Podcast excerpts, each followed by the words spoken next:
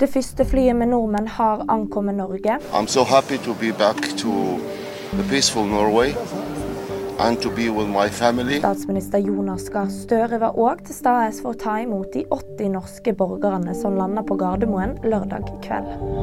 Nær en våpenhvileavtale. Ifølge Washington Post er Israel, Hamas og USA nær ved å bli enige om å løslate minst 50 gisler i bytte mot fem dager pause i kampene. Det hvite hus avviser at det foreligger noen avtale per nå, men sier de jobber hardt for å få i stand en avtale. Det vil i så fall være det første vedvarende avbruddet i konflikten. Hovedland kjemper om tittel i Dubai. Nordmannen ligger ett slag bak lederne Matt Wallis for dagens avsluttende runde av europaturneen i golf. Og flere nyheter de finner du alltid på VG.